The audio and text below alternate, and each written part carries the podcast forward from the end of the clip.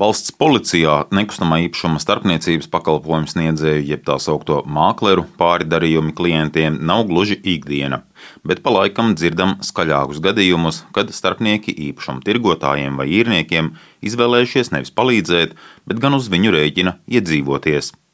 Tā šopavasar policija rosināja prokuratūrai uzrādīt apsūdzību viltus māklerim par potenciālo dzīvokļu īrnieku apkrāpšanu. Uzdodoties par darījumu starpnieku, viņš pērnajā rudenī Rīgā apkrāpa vismaz 37 cilvēkus. Vēlāk slēpās no policijas, turklāt ar vienu turpināja iedzīvoties uz lētcīgo rēķina. Policijas lietā ir lasāms. Viņš rīkojās pēc līdzīgas schēmas. Internetā izvietoja dzīvokļu īres sludinājumus, uzdodoties par mākleri un pieprasot uz bankas kontu pārskaitīt naudu par dzīvokļu īres rezervāciju. Dzīvokļu fotografijas vīrietis bija ieguvis interneta vidē. Lielākoties šie dzīvokļi patiesībā nemaz netika izīrēti. Pirms naudas pārskaitīšanas iedzīvotāji dzīvokļus pat nebija redzējuši. Zīmīgi, ka par krāpšanas upuriem kļuvušie bija nonākuši sarežģītās dzīves situācijās, un viņiem ātri bija jāatrod jauna dzīves vieta. Turklāt krāpniekam bija labas pārliecināšanas spējas. Lielākajā daļā gadījumu izkrāptā summa bija ap 200 eiro. Šogad 36 gadus vecais mākleris beidzot tika notvērts, apcietināts un nu jau sēž apsūdzēto solā. Tādi gadījumi neatkārtotos vai vismaz būtu retāki, ja starpnieku pakalpojumus sniegtu tikai legāli mākleri. Un daļēji ar tādu mērķi ekonomikas ministrija nu ir radījusi reģistru, kurā visiem starpniekiem ir jābūt iekļautiem, Turklāt viņiem jāapdrošina savas profesionālās darbības civiltiesiskā atbildība. Kā ar mākslinieku darba legalizāciju sokas, stāsta uzņēmējdarbības konkurētspējas departamenta direktore Ilze Lore. Šī vajadzība tika identificēta ņemot vērā augsto riska pakāpi nekustamā īpašuma darījumu starpnieku vidū.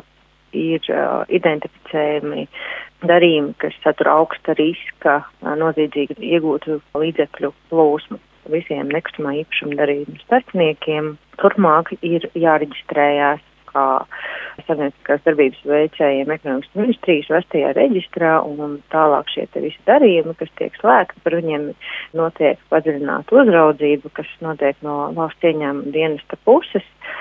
Valsts, protams, ja tā drīkst teikt, būs ar uh, mierīgāku sirdi varēs skatīties uz šo jomu, taču ir jāsaprot, ka tas tiek darīts pašas sabiedrības labāk starpnieku mums šobrīd eh, pēc eh, ekonomikas ministrijas aplēsēm ir ap 1500, un šobrīd eh, mums ir reģistrācijā 500 starpnieki. Un pārējie, nu, diemžēl, vēl nav paspējuši pieteikties. Tādējādi aptuveni tūkstotis mākleru, jeb divas trešdaļas no visiem savus pakalpojumus pat laban sniedz nelegāli. Tāpēc īpašuma darījumos iesaistītie, lai mazinātu riskus sev, ir aicināti pārliecināties, cik legāls ir izvēlētais sadarbības partneris.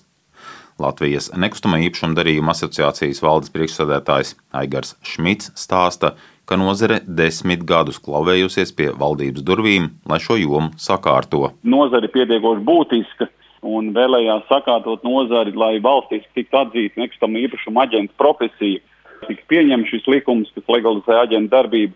Viņš, protams, nav ideāls. Ir noteikti jādomā par aģentu izglītības kvalifikācijas celšanu, jo vienkārši tīri reģistrēšanos ekonomikas ministrijas datubāzē un cilvēciskās atbildības apdrošināšanas policija noteikti tas nav pietiekami. Ko tas tīri varbūt nozīmē patērētājam, ja viņš vēršas pie kāda nekustamā īpašuma pakalpojuma, teiksim, servisa pakalpojuma sniedzēja, viņam ir iespējas šī ekonomikas ministrijas eh, mājaslapā reģistrā apskatīties, vai ir šādi šīs nekustamā īpašuma pakalpojums sniedzējs, ir sevi legalizējis, reģistrējoties un tādējādi, kā saka, pierādot savu vēlmi strādāt tīri, nevis, kā saka, pelēkajā vai melnajā zonā.